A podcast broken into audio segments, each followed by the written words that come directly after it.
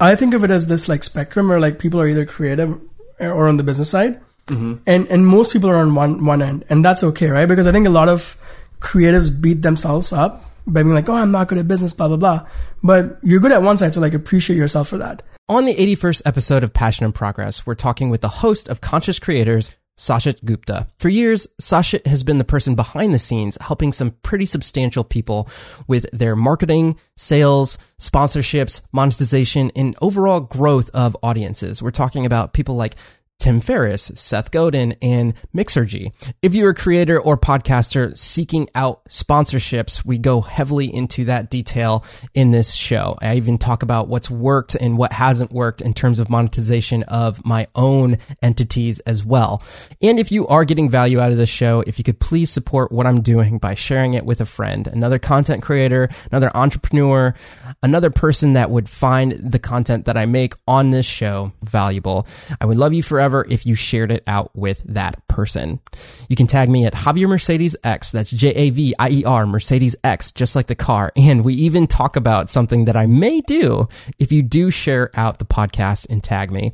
So without further ado, if you want to hear all about it, Let's go ahead and hop into the 81st episode of the Passion and Progress Show with Sachit Gupta. What is up, Mercedes? Javier Mercedes here for yet again another Passion and Progress Show where we talk to inspiring individuals and hopefully through hearing their stories, you too are motivated to go out and pursue your passion. And on today's show, we are here with Sachit Gupta. How's it going? It's going well, and I fucking love that intro, by the way.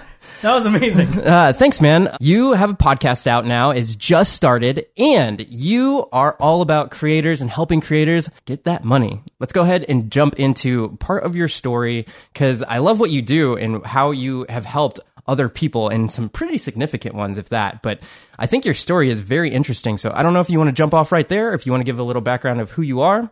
Where do you want to start? Yeah, um, I'll just give a quick background and you can take it wherever you want. Sure. I've probably spent now the past decade um, working with creators. It actually, it's funny, I was looking back. It started in college when I used to just read all of these books. Um, Chris Guillebeau's, Tim Ferriss, Seth Godin, all of these books. And I was like, man, these people have such an inspiring message. How do I take it to my friends?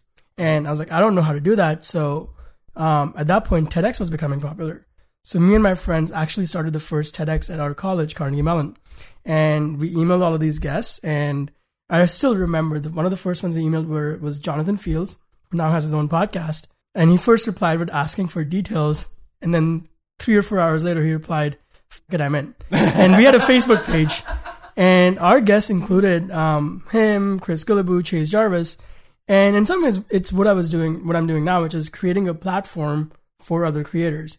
And so that was so actually the genesis of everything I'm doing now. Yeah, and you are a person of behind the scenes, and now you're coming to the forefront of. Uh, I, am assuming sharing a lot of expertise of what you've done in the past. With that in mind, do you want to bring up how you got to that point, where you started at, and then how you got to today? I'll start from right after yeah. college. Basically, yeah. I ended up working in corporate America. Um, like probably a lot of your listeners did not like it. Mm-hmm. Um, and after a year, I had to make a choice: do I keep doing this or do I try something else? And I remember I looked at the person who was like sitting almost like opposite me in the cubicle, and he'd been there like 10 plus years, um, drove like a nice suburban car. And I was like, if I don't make a move now, that's going to be my life. so I have to make a diff- make, make a change. And I actually remember calling my parents. I was like, I quit my job. I'm, I could make the safe choice and get another job or I could go travel and I'm going to do the smart thing. So I booked a one way ticket to Bangkok, and they were not happy about that. Um, so I did all of that, and I moved to San Francisco and really just wanted to start a company. I did what I knew best, which just started cold emailing people. And I remember it was almost a year of just cold emailing hundreds of companies, getting all of these interviews, getting meetings, volunteering at conferences, just whatever I could do to be in the right room, and just rejection after rejection. What was your intention behind that? Were you looking just for like any kind of job, or what was it? Um, it started with wanting to do marketing consulting. Okay, okay. So actually, what happened was I quit my job and I was traveling and got into an accident and everything. We can get into that later. But basically, it was in India, and another friend of mine emailed me and he was like, "Hey, I'm starting this thing where I'm going to publish a book in seven days. Do you want to do marketing?" And for me, I was like, "Wow!" I quit my job. I went traveling, and right out of, out of like the sky, like my first consulting client, right? Yeah. I'm like, this is going to be really easy. So when I moved to San Francisco, it was actually to start a consulting business because I'd taken a lot of these like courses. And I was like, oh, this is going to be easy. I've already had my first client. So the intention was to get more marketing clients. Looking back in hindsight, what I realized was I was really good at marketing, which is getting meetings with people and getting in front of the right people. But once I got in front of them, the sales part, I had no idea. um, and, and, it took a lot of years to learn that. Mm-hmm. You mentioned an accident. What was that? And, and I haven't, I haven't shared this part of the story. So when I traveled, first I went to Bangkok and I'd booked like travel insurance and was in Bangkok for about a month. And then that expired. So I was like, I've never needed it. I'm not going to renew. Oh no. So from there, I flew to Bali mm-hmm. and I met this dude in Bangkok and randomly ran into him in Bali. And he was like, Hey, I'm going there too. How are you getting there? I'm like, I'm going to go take a bus. He's like, I'm just driving on a bike. Just sit behind me. I'm like, okay, sounds smart. So it's literally like him, his backpack, me, my backpack. We're driving and we're almost there. And like he makes a turn and the bike just slips. I fall off and then I get up and I'm like, okay, I'm okay. And then I try and like do this, trying to get my hand to my shoulder and doesn't get there. Like, oh crap, I've dislocated my shoulder.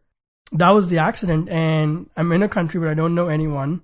I didn't even have a hotel room booked where we went that night. Yeah. It's like that wasn't there. And I was like, okay, what do I do? With no insurance whatsoever. No insurance. All, so all of these people came to help. And it was funny. One guy took me to this clinic and I remember I took off my t-shirt so they could like look. I had two bags, one with clothes, one with my like laptop and stuff. Um, so they're like, okay, this is bad. We're gonna take you to the hospital. So I left my bag with the clothes there. Um, just have my laptop bag with me, and they drive me to the hospital. We get to the hospital, and they're like, oh yeah, the doctor's like two hours away. I'm sitting there like for waiting for the doctor, and once the doctor comes, they're like, it's gonna be like two thousand dollars or something, because they're just like kid from the U.S. Yeah, and I'm like, I don't have insurance. So I'm literally negotiating with them there. Ah, but, this is where the sales comes in. Yeah, because I'm like, I'm not going to pay two thousand dollars, and I know you guys are overcharging me. and the that other person who had driven with me, he comes to me and goes, "Dude, you don't need to do this. Just come outside, put your hand over a chair, and I'll just knock it back in." Oh no! I'm like, I'm not going to do that. Oh, okay, okay. So I finally like negotiated them them down a bit, and then like they put me under anesthesia. I got back up, and it was back and I think maybe he talked to them or something, or maybe they just saw got, got had pity, and so they charged me a little less than that. So I think it was like five hundred dollars or thousand dollars, which still I think they were overcharging me. Mm-hmm. But we finally get get out of there at one, and then he's like, "All right, uh, you want to head back?" I'm like, "Cool," and I have to sit back on that bike. I'm like, "Oh man." Sit back on the bike. He took me to this like hotel I know, knew about. And literally, like at 1 a.m., I go in there, book a hotel room, and crash. And the next morning I wake up, I'm like, oh, I don't have my clothes. So I go back to that clinic we had gone to, and like, then they're like, oh yeah, it's gonna be this much. what the hell? And so I'm on the phone with the guy who runs the clinic, and they go like being like, you guys are overcharging me. He literally goes, he's like, I'm gonna call the cops. I'm like, no, don't do that. um, and finally, like, agreed to an amount, got my backpack because it was still there, and finally that was done. So trial by fire with yeah. the whole negotiation. Yeah.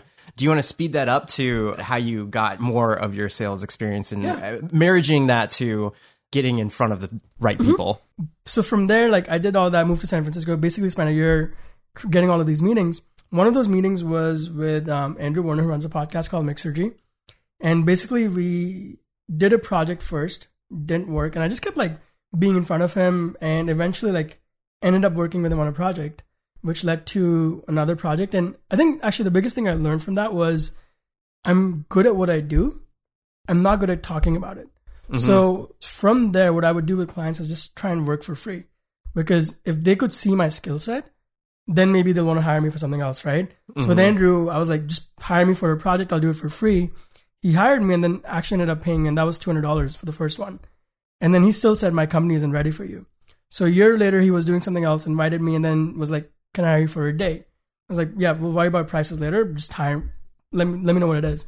So he hired me for a day that turned into two weeks and we're still, like, he's still a client. Speeding up to like the podcasting thing, basically, um, I was doing all of these projects and I remember looking at in 2015, I was helping him with sponsorships. I was building websites for someone. I was doing Infusionsoft work. I was running Facebook ads for someone else. I was launching a music video in India. I was working with a ball bearing company. And I'm like, I have no idea. Like, it's just so broad, right? I was at a mastermind and this guy was like, everyone needs to pick a niche. And I like podcasting, so I just picked that niche. And basically, I came back from that and just started emailing people being like, hey, Um, I'm working with podcasters, like or podcasters and creators doing this. Who do you know? One of my friends was like, "Hey, have you worked with Tim Ferriss?" It's Mhm. like, "No, but um, can you connect us?" and he actually offered to introduce me. So I sent him an intro email, and I was like, "Don't send it yet because I'm not ready." A month later, um, somehow, well, actually, and now I know what happened, but all these things connected, where I basically woke up to an email in my inbox, inquiry from Tim Ferriss. Um, oh, so he he probably sent it anyway. yeah, Okay. well, no, he didn't send it. What happened was, and, and a lot of this actually goes back to this guy, Charlie Hoehn, who also used to live in Austin. In 2009, he published this book called Recession Proof Graduate, which is basically his story of how he used this concept of like free work to work with Ramit Sethi, Tim Ferriss, Tucker Max, and all of these people. And literally all I did when I worked, even worked with Andrew was copied his email script, send it to Andrew, and that's how I got my first like work work with Andrew, right? So I just kept Charlie updated on what I had been doing. And I think a few years later, maybe Tim reached out to him and was like, "Hey, I want to hire someone like you. Who do you recommend?" And Charlie recommended me. And I think this goes to the power of like a lot of people think these things happen like instantly, or like people are playing the short game. I had emailed Charlie back in 2010, and it was like five years later till like when he introduced when that happened, right? So it was just I think it was more about investing in the right relationships and just adding value to people and, and not expecting anything back and doing that over the long term so people in the industry can see you and know who you are. So- And you mentioned an email script. Is this something that you paid for? Is it a part of the book or what? It, Um, I think it's included in the book. Um, what and what book is that? uh, Recession Proof Graduate. Um, you can find it on Amazon. And I don't know why Charlie does it, but I think actually if you go to his website, charliehoehn.com, if you put in your email, you actually get both his books for free. Oh wow. Yeah. And, Well, and literally, like, this book is the playbook for what I did and how I got to where I am. Okay, so uh, if a lot of if people really want to dive into how and what worked, read those. Yeah. So you got the meeting with Tim. What did you do for him, or what? How was that first iteration? Because I'm assuming, especially with uh, was it what's the mixer mixer, M- m- Mixergy. with with Mixergy. I feel like you already had the ball rolling, um, and then when you're with Tim, how does that start snowballing? Yeah. So I, I can't share specifics about the work that I did. Okay, But um, basically, it was just really like we met in person, and I'll share the framework of what I always do in a meeting like this. Right? It's like a lot of people try and sell what they're doing. I always start by just learning about what he's doing and what what his problems are, and going in with that mindset that you're going to be a trusted advisor. So if I can't solve that problem, I'll recommend someone else because I'm trying to build that relationship over the long term. Um, in his case, we found something in his business that I could help with, and um, I wasn't completely sure if I could do it. So we basically were like, okay, let's do an audit and we'll look at it and I'll tell you what I would do and present that to his team. And his team liked that, and that just turned into a relationship for three years. So it's basically running a lot of paid media and, and growing his audience, working on two book launches, and just an incredible experience. Speaking of book launches, there was a video that I came across the other day where it's just Tim Ferriss staring at the camera, like this. Or for those that are just listening, it's the whole frame is taken up by his eyes, and he stares at the camera for like three minutes, and then he just like holds up his book at the end of it. Thought it was pretty funny, um, and a good way to uh, just like kind of build some press around the book. But uh, so you you did stuff for Tim Ferriss, and then I'm assuming you were getting more uh, people knocking on your door for your services. How did that look afterwards? Well, it wasn't actually that because at that point I was still not very public. Mhm. Um, and also I couldn't really talk about most of the work I was doing. Mhm. So that's been an interesting challenge, right? Like most of the projects I did, I couldn't talk about, and still like I can't talk about a lot of them. What I got good at was leveraging one thing to the next. So in the same way, while I was working with Tim, I saw Seth's team through the Alt MBA project was running Facebook ads. And I looked at one of their ads and I was like, I think I could do better. And the same way I built a relationship with Charlie, back in college, Seth had launched this thing called the Domino Project.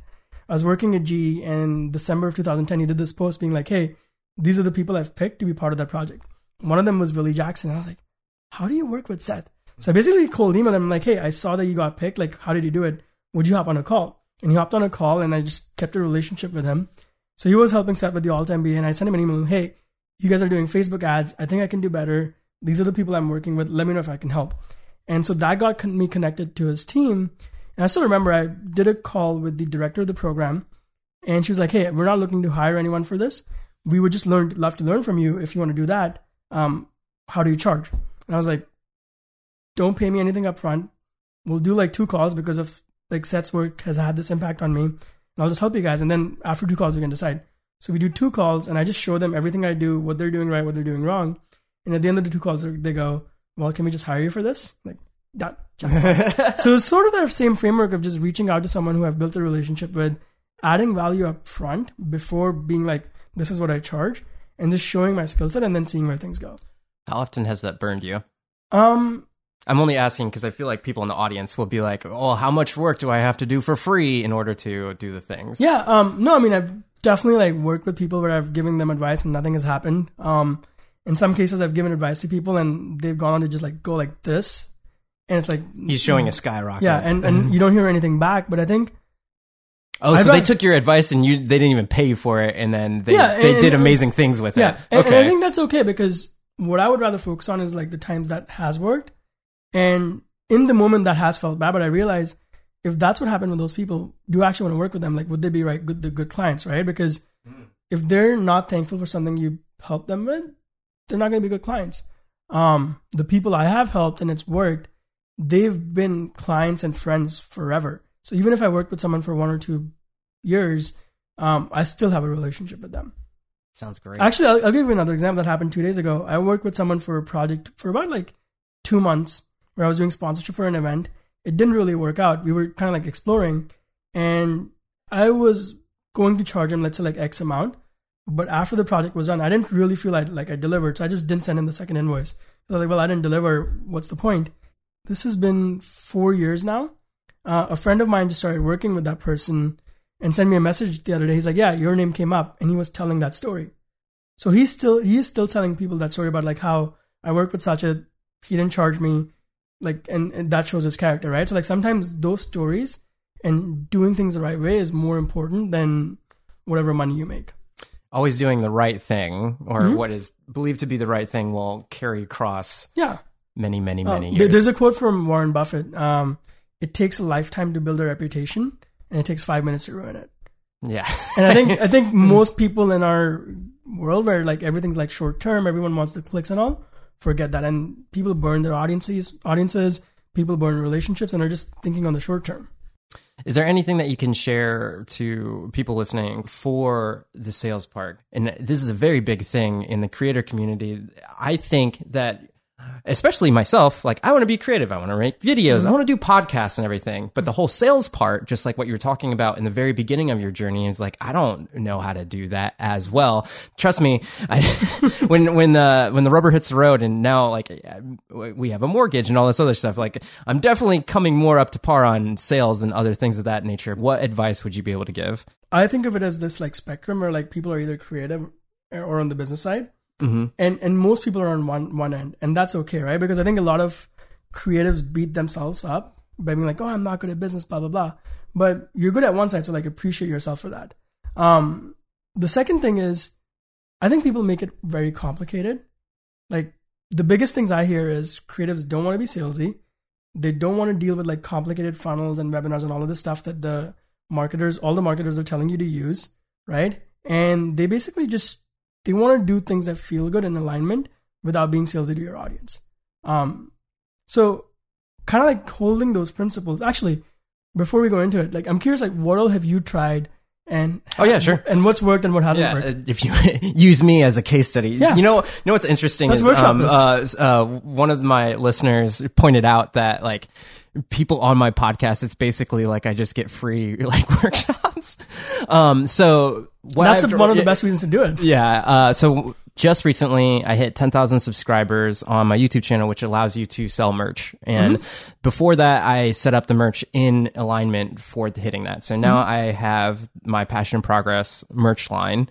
Um, I have affiliate marketing, um, YouTube ad sales, uh, or just AdSense from that. Mm-hmm. I have a Patreon and, um, my product that I sell right now is a preset pack, um, mm-hmm. for Premiere Pro, which it's like when I first launched that thing, um, it was like here's a dedicated video to it and then now I ta- I probably talked about it in the ads before mm-hmm. this podcast but uh it's awesome to wake up and then be like oh somebody bought it and then like oh another person bought it like this right. time it's like really weird to me how that mm-hmm. happens congratulations but, um, for doing that first. yeah yeah and then now my big thing is and you actually just brought this up right beforehand is every single time somebody comes in here or I go and talk to somebody else video podcasting always comes up so mm-hmm. now I've been talking talking about. I, I gave a talk um, a month ago at um, Galvanize mm-hmm. about video podcasting, and now I'm creating a video podcasting course.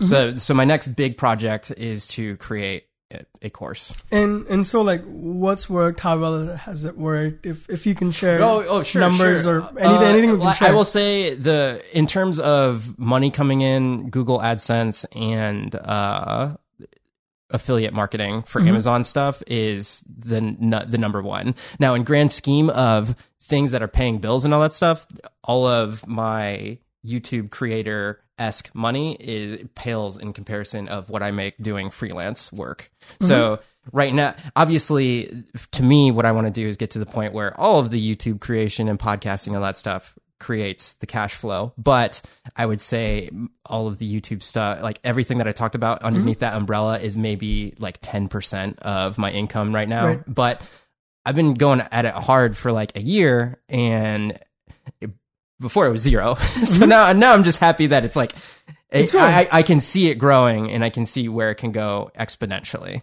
And is the freelance stuff that you're doing connected with is video editing. So video editing. So separate from the work you're doing with the podcast and everything. Uh, in a way, yes. I, I would say a lot of other contacts I've gotten like lead. I guess the podcast would be a lead magnet to other people mm-hmm. and editing for other people. Like I got a gig doing um, editing for CBS, and then mm-hmm. I did a gig for ESPN just from. Mm-hmm somebody that I interviewed on the podcast. But like I said, the uh, so, so, that is kind of podcast revenue still, right? It like came from the podcast. Yeah, yeah, I guess yeah, for sure. I it it the that wouldn't have happened if I wouldn't have mm-hmm. had the prior conversations with the people that I was talking to on the mm-hmm. show, and the other people that I was working with have now been guests on the show. Mm-hmm. Yeah, so I'll, I'll give you my framework for thinking about it. For whenever I work with someone with an audience, right? Like the first thing is have you seen that thing where it's like if you want to make a million dollars, you can sell to one person a product for a million, or ten people for hundred thousand, mm-hmm. or hundred people for ten thousand. Yeah. So so deciding that I think is the most important thing is do you want to have a few clients and charge them a lot, or do you want to have a lot of customers and charge them a little? Mm-hmm. And I think most people don't even think about that. Yeah? When I made my first product, in my mind, when I look at the product, I'm like, this is a very easy preset. Like somebody can do this very mm-hmm. easy in Premiere Pro. I'm just making it just a tad bit easier to save people time. So I, I believe that that product is not worth like, whoa, like a whole bunch of money. But when I come up with my video um, podcasting mm-hmm. course, it's like, this is as much information that I can brain dump into mm-hmm. a thing. So I know when it comes to that mindset, yeah. like that will be a much higher cost thing. Yeah.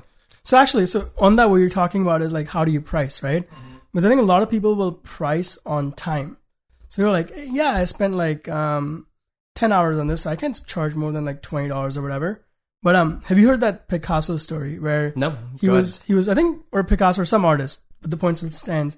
He's sitting in a cafe and he just like draws something and someone goes, um, or he like draws something and like throws it in the trash. Someone picks it, was like, hey, can I have that painting? And he goes, yeah, it's $10,000.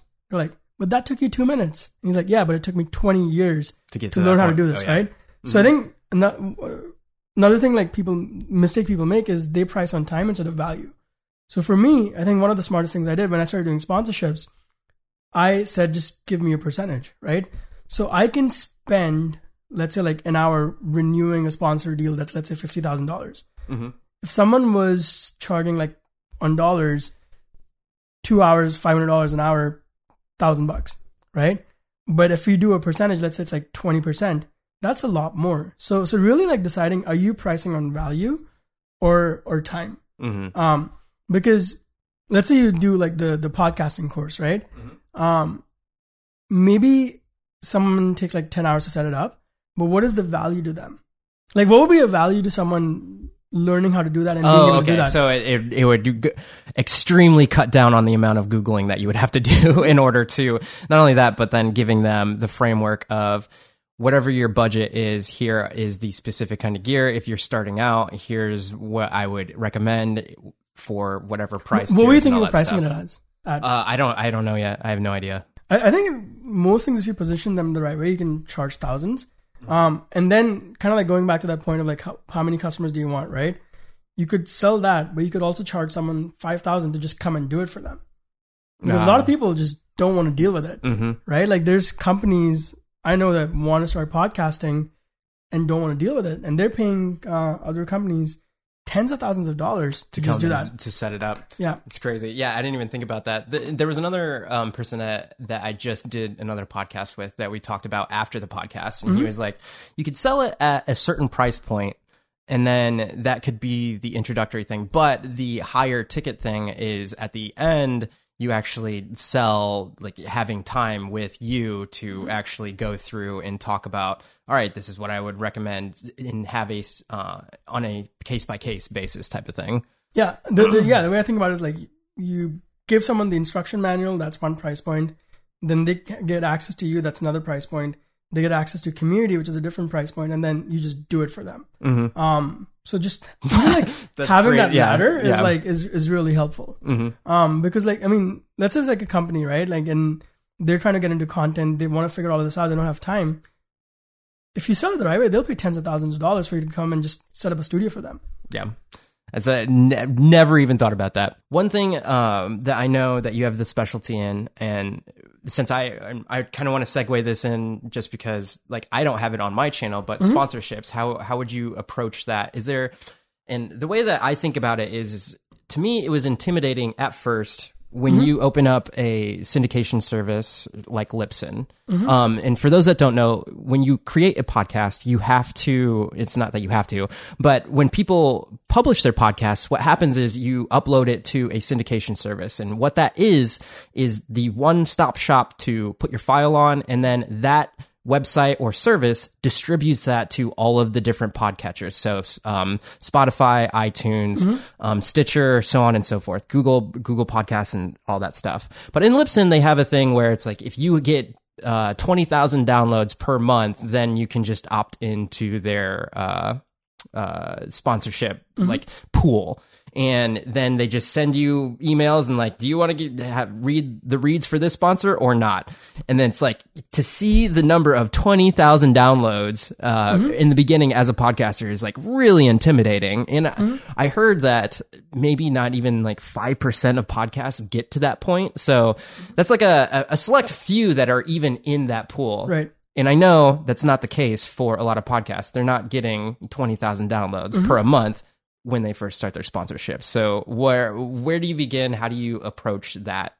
Yeah. So you, I think for most podcasters, even before sponsorships or partnerships, what they should actually look at is who is their audience, mm-hmm. what do they want, and can you actually create a product or service or something around coaching to sell to your current audience? Mm-hmm. Um, yeah. So I think like that's one thing. So I'll share um, also have done, have done sponsorship for a bigger podcast and how I'm thinking about it for myself. Mm-hmm. Um, so like when when I work for a bigger podcast um, that obviously has downloads, usually sponsorship is done on per CPM basis, right? Like thousand dollars. Explain to what? Yeah, so it's like if you get a thousand downloads, um, if it's 25 CPM, you get $25. Cost per mille is what yeah. he's referencing. Yeah. And I think that's even complete. though mille is like a thousand, but yeah. yeah. Yeah. And so that's how like most podcasts do it. Um, I started doing sponsorship for Mixergy, and I looked at the prices and I was like, this is insane. Because let's say you're advertising on someone's Instagram account for like a car service, right? Um, for a car, for a fancy car. One account is like Brad Pitt, who has a million fans, and one account is some shitty account that also has a million fans. You're not going to say, pay the same price to advertise on both because one's audience is way better, mm-hmm. right? So I just had that instinct, and I was like, we should be charging more. So I remember Andrew, who runs it, was charging a certain amount. I went to our first sponsor and I was like, let's not look at the CPMs. Like, how many, like, how much are you willing to pay for a customer? And they told me the number, and I was like, okay, like, I think we can get you these many customers a month.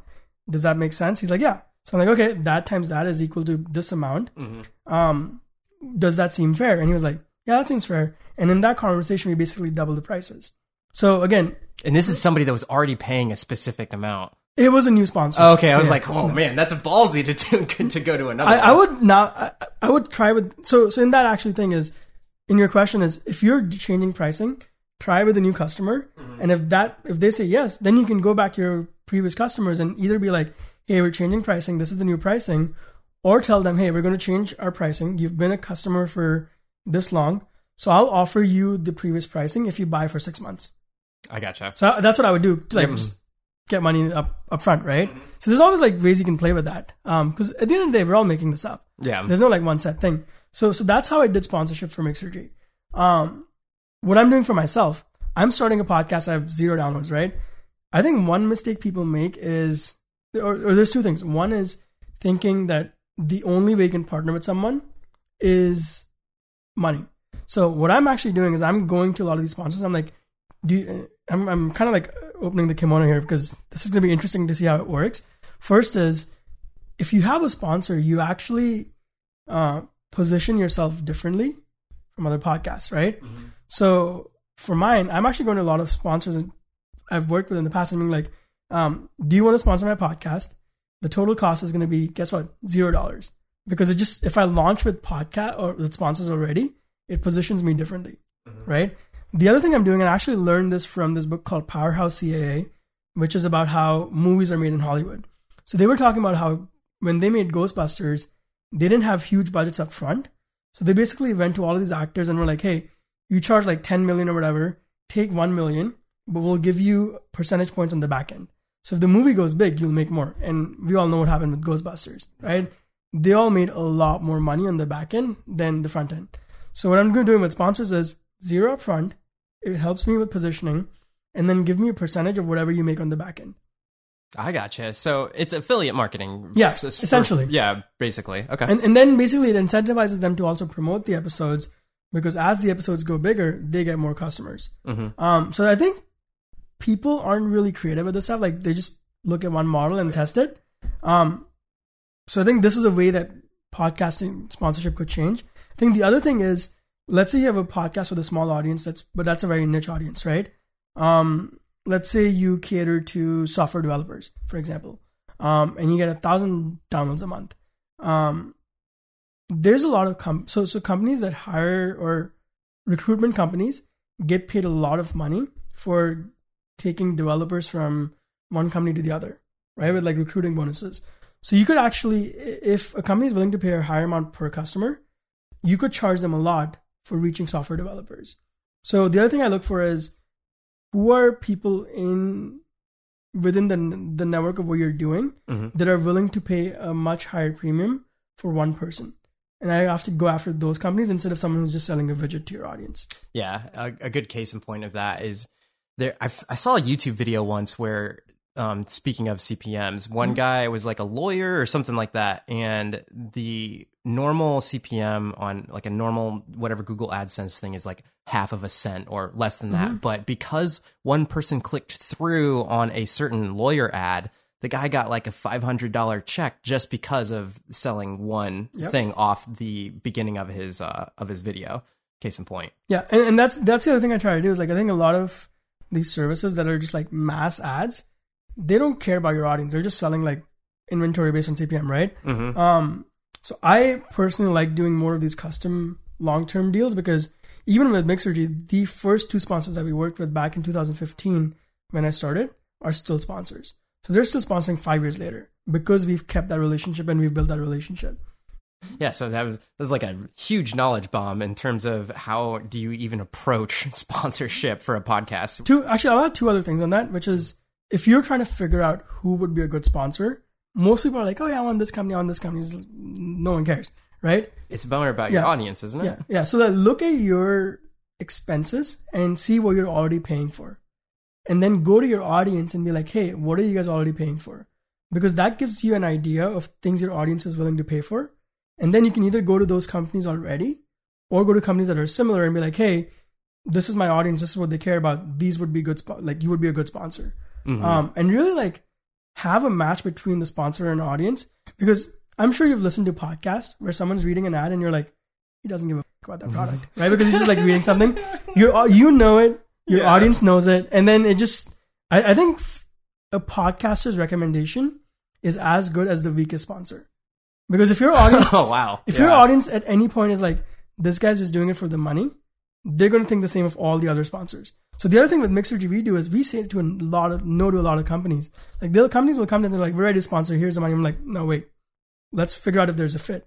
Because if there isn't a fit with the audience, like they can offer us a million dollars and we'll say no. Yeah, that I think that was one of the big things when I was coming up with my Mm-hmm. product. One, it was really hard to build something that wasn't already out there in terms of Mm-hmm. a preset for video editing software. But after I built it, every single time I do the read, I do it uh, specific to each episode Mm-hmm. because one, each time I do a new read or I, I promote it again, more people have given me more feedback about how it's helped them Mm-hmm. out, and I'm like. Look, I use this thing every single Are day. you including awesome. those stories in your ads? Uh, I just so just by you looking at your uh your website now, I'm like, hey, can I use this or Mm-hmm. hey, can I use that? So now I am. yeah. So one of my uh, favorite books is Influence: The Psychology of Persuasion by Cialdini or whatever. yeah. And we try and incorporate all of those elements to our ad, into our ads, like social proof, reciprocity. Um, so like one of the things I know Andrew says. What does is- reciprocity mean? So so if basically like if you've done a favor for someone, they're more likely to do a favor for you. Mm-hmm. Just that, right? So like we tell people, we're like, hey, look, these sponsors are making this podcast possible. So if you like the podcast, go buy this gotcha, product from the sponsor if, if you if it's a good fit for you. Gotcha. Um, and I forget what the all the other elements are, but that book is just you can search influence psychology of persuasion princi- summary.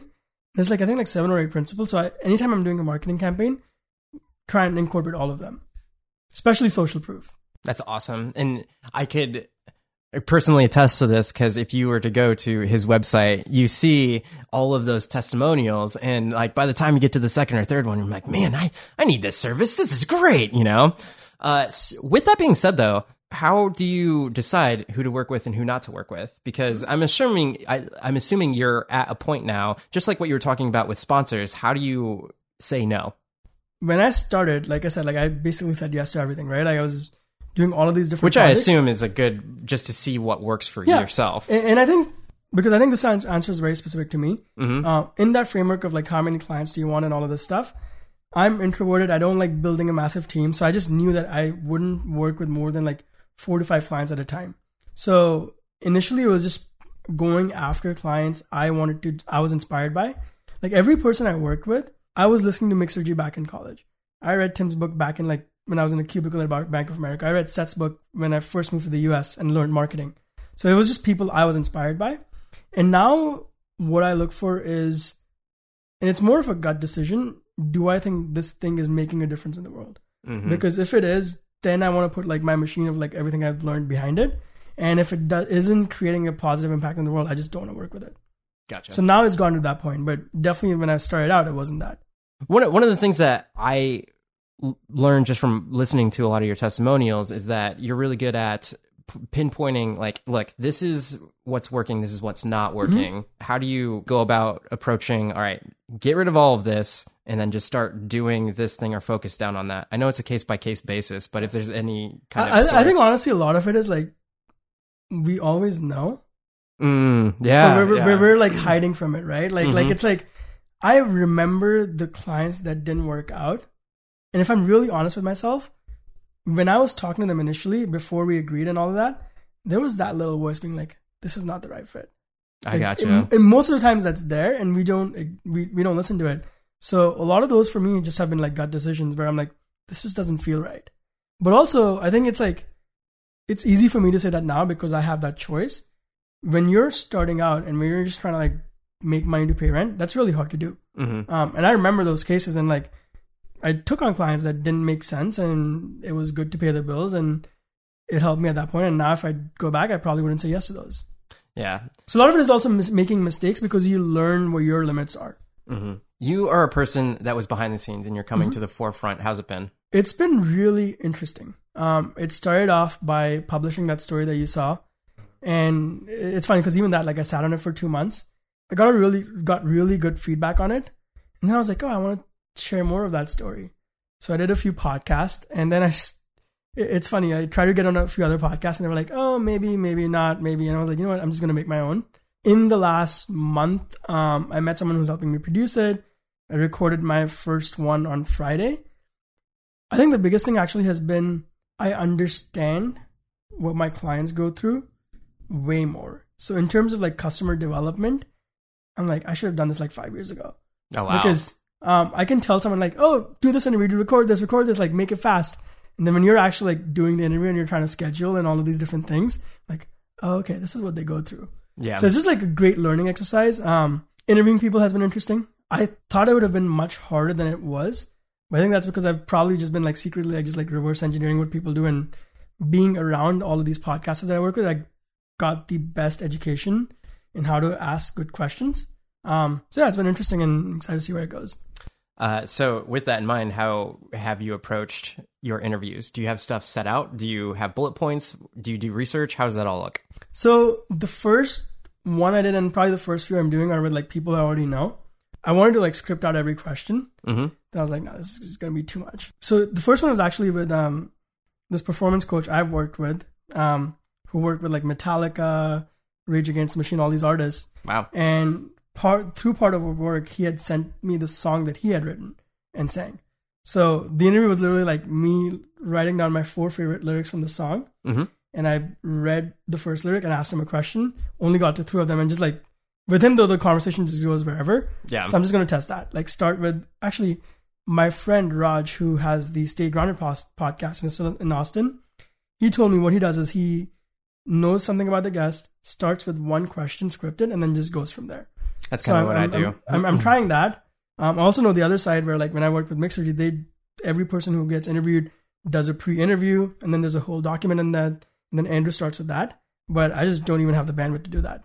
With what you were talking about mm-hmm. with writing out those lyrics and everything, when I started out, I'd say my first 10 to 15 episodes, I got to writing bullet points and I mm-hmm. noticed that I could not get past a page of bullet points if I wrote yeah. them down. And then it got to the point where I was in a, since I do all of my podcasts in person, I would I remember this specifically. I was in Denver, Colorado, mm-hmm. and somebody reached out and they said, "Hey, you should go interview this one person." It was a great opportunity to go interview a, that person. Mm-hmm. I didn't know diddly squat or anything about it. Right. And I was like, okay, if I was some person, how would I approach this and what would I want to know about their profession? Mm-hmm. So I just went into it and then I just started asking questions and then uh, like by trial by fire going into them, it was much easier stress wise to approach the conversations with all right, I know I have a couple questions that I want to mm-hmm. ask, mm-hmm. and then what? Where does the conversation lead from there? And plus, it opens it up to much deeper evaluation mm-hmm. on each topic. In terms of principle, I think people want to hear conversations. Mm-hmm. Um, actually, going back to one of your earlier questions about monetization, um, all those testimonials that you saw, there's one thing in common, which is I realize most people who have an audience are just talking at their audience they're not talking to their audience. Mm-hmm. So one of the first things I tell clients to do is go to your audience, do like some sort of like survey and ask them questions, and then tell people I'll literally pick people to call and get, have conversations with them.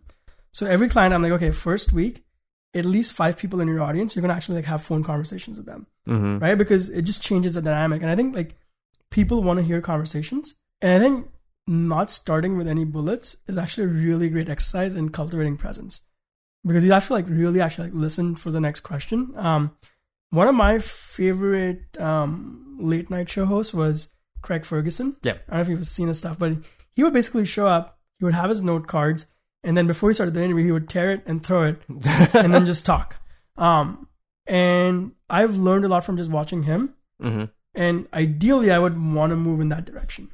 Yeah, I think that's the most stress free version. The other mm-hmm. Thing too with that is if you just from listening to you, you have a lot of background in reading books, obviously mm-hmm. surrounding yourself with the different people already high level in the medium. Mm-hmm. So when you know their theories behind certain worth ethics and other things of that nature, mm-hmm. just elaborating on other things that you've heard comes up in podcast conversations all the yeah. time. I find it's really weird how it happens, but I'll be listening to the Goal Digger podcast one mm-hmm. week, and it just happened um, on an interview that I just had. I was listening to a podcast that morning, and then the woman that I was interviewing started talking about the same exact concept that Jenna, um, the host of the yeah, Goal Digger right. podcast, was talking about. And I was like, oh, let's go ahead and talk about this piece of information mm-hmm. now, which is crazy because then you can have a deep, meaningful conversation just like between two people of like, yeah. oh, I really wanted to ask somebody about this. Good thing we're right here with two microphones in front of our faces yeah. to, to talk about it. Which I think if there was a bullet pointed list of benefits of doing a podcast, that's one of them. Yeah, I think I, think people are craving for just real conversations. Um, mm-hmm. and I think one thing you said that actually, yeah, that that's probably true is I've probably learned and picked up a lot that I don't even know that that's going to come yeah. out by just being around other podcasters. Yeah, I'm extremely grateful for that education because I remember when I worked with Andrew initially, I worked with in his office and I would see him do interviews and I'd be like, wait, why did you ask that? Why did you ask it this way? So I think I was just learn trying to learn more about it. And this actually reminds me of just how important curiosity is. Yeah. Um, because one thing I remember from the book Powerhouses, when Tom Cruise started acting, he I remember they, they tell the whole story of like how they found him and stuff. He would go on set and he wanted to talk to every person. Like he wanted to talk to the camera person, the voice person, all of these person, and he would just be like, "Hey, um, can I learn more about what you do?" And I think like having that curiosity is super helpful because you just are learning about different things. Yeah, the, so I used to be the audio engineer for the Chive podcast, mm-hmm. and our third podcast, and we got to do Mark Cuban and um, we went to that Mark. Is amazing. Yeah, yeah, yeah. It was.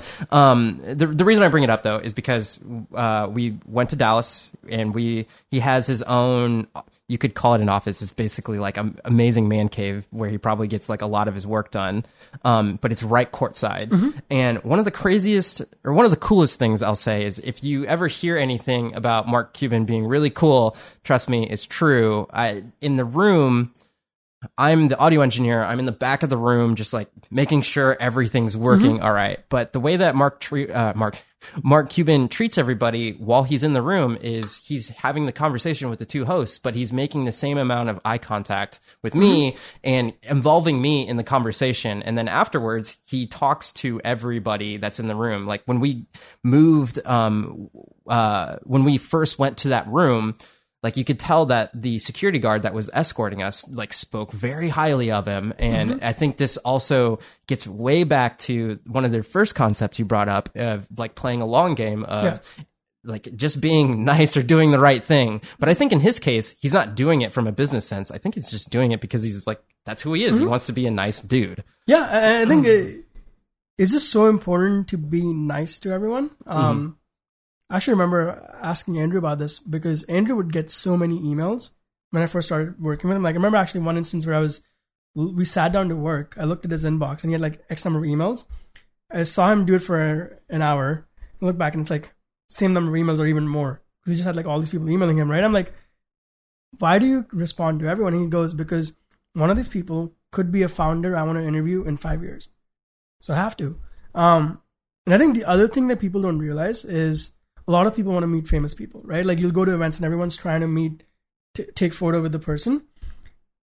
This is one of the actually the biggest things I learned initially. Just and I think forget where I either read it somewhere or just came up with it was most of those famous people have their like generals around them who they trust, right? So like when they're trying to solve a problem, that's who they turn to. So when people go to events, they're trying to meet the famous person. I'm trying to meet the people who work with them. Look at this hot tip, right? Because if you can build a relationship with that person, mm-hmm. when when they're like, "Oh, who do you know for this?" Oh, I met this guy. He he made me feel important at this event. So that's who you're gonna like. They're gonna recommend you.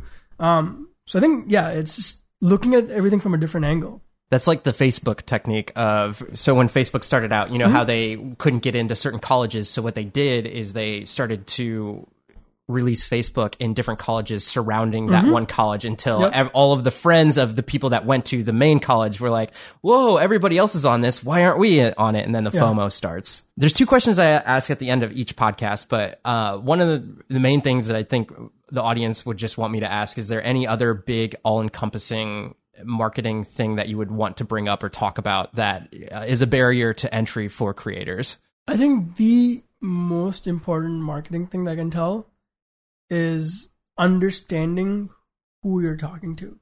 Like really just like getting into the minds of your customers. Like most people can you can look up like customer avatars and stuff like and people think it's like oh it's already done but like getting those fundamental right fundamentals right is so important. And I think most people miss that. Like most people are like oh I want the latest webinar trick or the Facebook ads trick. Guess what? If you don't have the fundamentals right, like you're going to just burn money on Facebook because I've seen clients do that. Um so yeah, I think it would just be go back to the fundamentals, fundamentals, and get those right because that influences everything else. And one um, thing to actually do that would be those phone calls that you're talking about. Mm-hmm. And, yeah, just go talk to people. Like call your people in your audience. First of all, they're gonna and actually this is the other the other thing with like calling people. They're gonna feel good. They're gonna post about it on social media. They're gonna make you look great, right? Mm-hmm. And then mm-hmm. they're gonna attract other people, and it just it creates a relationship that is for life then. You know, it's funny. It's like I'm. There's going to be some people in my audience that give a call to. They're like, "Oh, hey, how's it going?" And then they're going to hear this episode and they're like, "Oh." Are you going to call people in your audience? Oh, I, there, so there's already a couple people that I have in mind for sure. Okay. Uh, but I, I know I already talked to them a lot through DM. So mm-hmm. that, that's another point that I would want to bring up. Is it the same? Is it the same if you are talking to people through messaging or what you're talking about actually getting boots on the ground and in this case through a internet wire or whatever and talking to them physically is that a better way of doing it so i'll turn that question on you like think of the relationships you have mm-hmm. that are just over text mm-hmm. and the ones where you've actually talked to people on the phone you know you know what I, i'm already going to answer this because i've like i've met a lot of these people in mm-hmm. person via yeah. coffee at conferences or mm-hmm. anything like that so i would say obviously in person is the best way yeah yeah and then obviously if you can call, then the, then call, then DMs and all that stuff. Yeah, I've actually, I think this is probably something that helped me. Is I would just read a lot when I was starting out. I read a lot of these stories. Actually, one that I can think of is um, Tristan Harris. Um, he and later on wanted to start like a venture back company and stuff. Wanted to work at Foursquare, and he would like keep emailing those people at Foursquare just to be an intern, right? And I, mm-hmm. I think it's him or someone else, but similar stories. And at some point, they're like, okay, if you're going to be in town at this point, or if you're ever in town in New York, let us know. And he was like, oh, that's awesome. I'm actually going to be in town next week. So me, let's see you for coffee. And then he booked the ticket. And yeah. I, I've just heard so many stories of where like people just bought one ticket just for that 30 minute meeting that changed their life that I think as much as you can do in person or, or on the call, like oh. is helpful. Oh yeah, for sure. I can count on the, my hand how many times certain things like that. I mean, think um, about it. Like, if one of your listeners was like, "Hey, I'm flying in from this city. Mm-hmm. Can I meet you for coffee?" Are you gonna say no? No, no.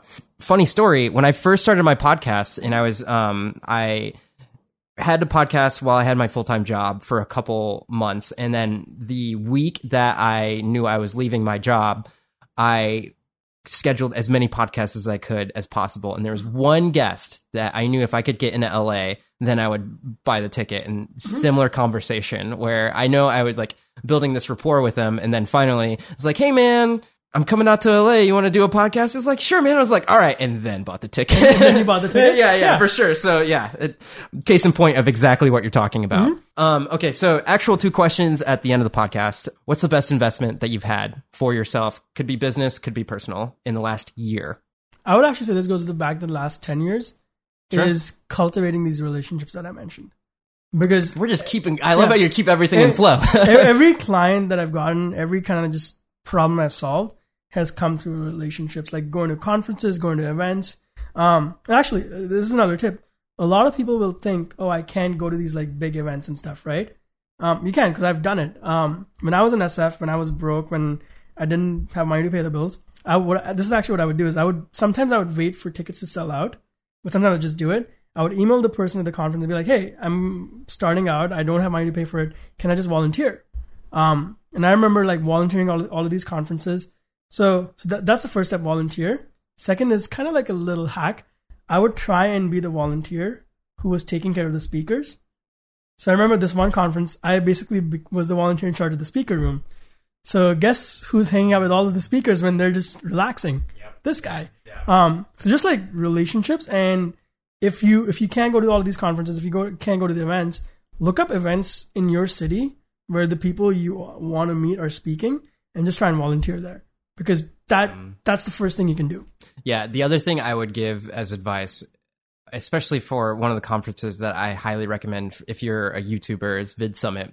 And at Vid Summit, this is another hack is what you can do. And which I know a lot of people actually do do is they just don't go to the speeches during the day, but it's at hotels. So just hang out in the lobby during the night. And that's where all the networking happens anyway. So you could just kind of walk in and sit at the bar because every actual hotel hotel guests are there and nobody's going to be the wiser that you're not if you're not wearing the badge or whatever. Yeah. but at, hanging out in the same place after the event has Actually, happened is perfect. my friend um vanessa van edwards who runs the blog science of people has an amazing story about that. She went to this conference and couldn't pay. So what she did was she went to the starbucks next door and basically told them hey we're gonna have like speakers coming in I'm just gonna leave money because I'm just gonna get in line and buy coffee with them. So she would she was basically like waiting in the coffee shop. If she saw someone in line um, wearing a badge, she would go up to them and be like, "Hey, um, I saw you at this conference. Can I just ask like what you learned and can I buy you coffee?" And then she just did this over and over Holy again. Cow! And just out of the conference at the coffee shop. There, so at Vid Summit, there was a guy that I met two years ago. Mm-hmm. I got in in in the line. It was a really long line for coffee, and then the next year, that same guy was like, "Hey man, do you remember me?" I was like, we were in line at coffee like last year, and I was like, "Oh yeah." And then we're like, we could obviously talk about how we've progressed since then. But yeah, coffee line conversations are great, especially at events like that, because if there's only one coffee shop nearby, everybody wants coffee, but you're, so, you're stuck in line for such a long time. Yeah, it's just like, it's a great, anytime when people are waiting in line, except for the restroom, don't do it then. Yeah. Uh, we did a, um, uh, going back to the Chive podcast, another guest that we had was John Cena, and he tells a story about how he obviously Mark Cuban, John Cena, both like amazing, yeah. amazing, amazing people. John Cena too, just like he wants the best. I he's the nicest person. Yeah, he wants the best for his fans, and he the only thing that he said, well, he said two things: is like please don't come up to him when he's in the bathroom, and then two, like if you are sacrificing your life to like wave at me across the street and like trying to cross traffic, if you see me in a car, like that's not cool. But uh, but it yeah, th- those two things like that comes up. That means but, that's uh, happened to him. Yeah, yeah, which is like it's sad, but mm-hmm. yeah. Um, last question is why do you do what you do? I just like creating. Mm-hmm. Um, I remember as a kid, I was an artist. I remember looking at a blank page and just doing art and turning something into nothing. And I think in some ways, I'm just still doing that, just creating from scratch. That's awesome, man. Yeah. Uh, so what's the name of your podcast and where can people find you? Yeah. So the podcast name actually we're still trying to figure out but the URL URL is going to be creators.show. If so, it, if if this podcast is out, I'll I'll link it. Okay, awesome. Yeah, yeah just link in the show notes and stuff. Mm-hmm. Uh, well, cool. Awesome. And then, uh, can they pe- find you anywhere else? Yeah, if you want to find me on social media, it's S A C H I T G U P T A. And if you don't remember that, we'll link it in the show notes because um, it's hard to spell. And yeah, just find me on Instagram, Twitter, wherever. Awesome. Thank you so much for all the valuable information in terms of just like helping other creators out get monetized. Sachit, Thank so you for having me, and thank you for all the work you're doing to help creators too. Hmm, yeah. All right. Until next episode, if you would like to share this out, you could you could actually put the link on a piece of parcel and mail it to somebody and then tag me on Instagram at Javier Mercedes X. Like I said, I'm going to keep saying that at the end of each podcast until and, somebody does it. And if you tag Javier, he might give you a phone call. yes, yes. I'll DM you to give you a phone call. Oh my gosh. Somebody's going to do it now. It's going to happen. Man knows what he's talking about. Again, thank you so much for your time. And until next episode, I hope you guys are out there living a life of abundance.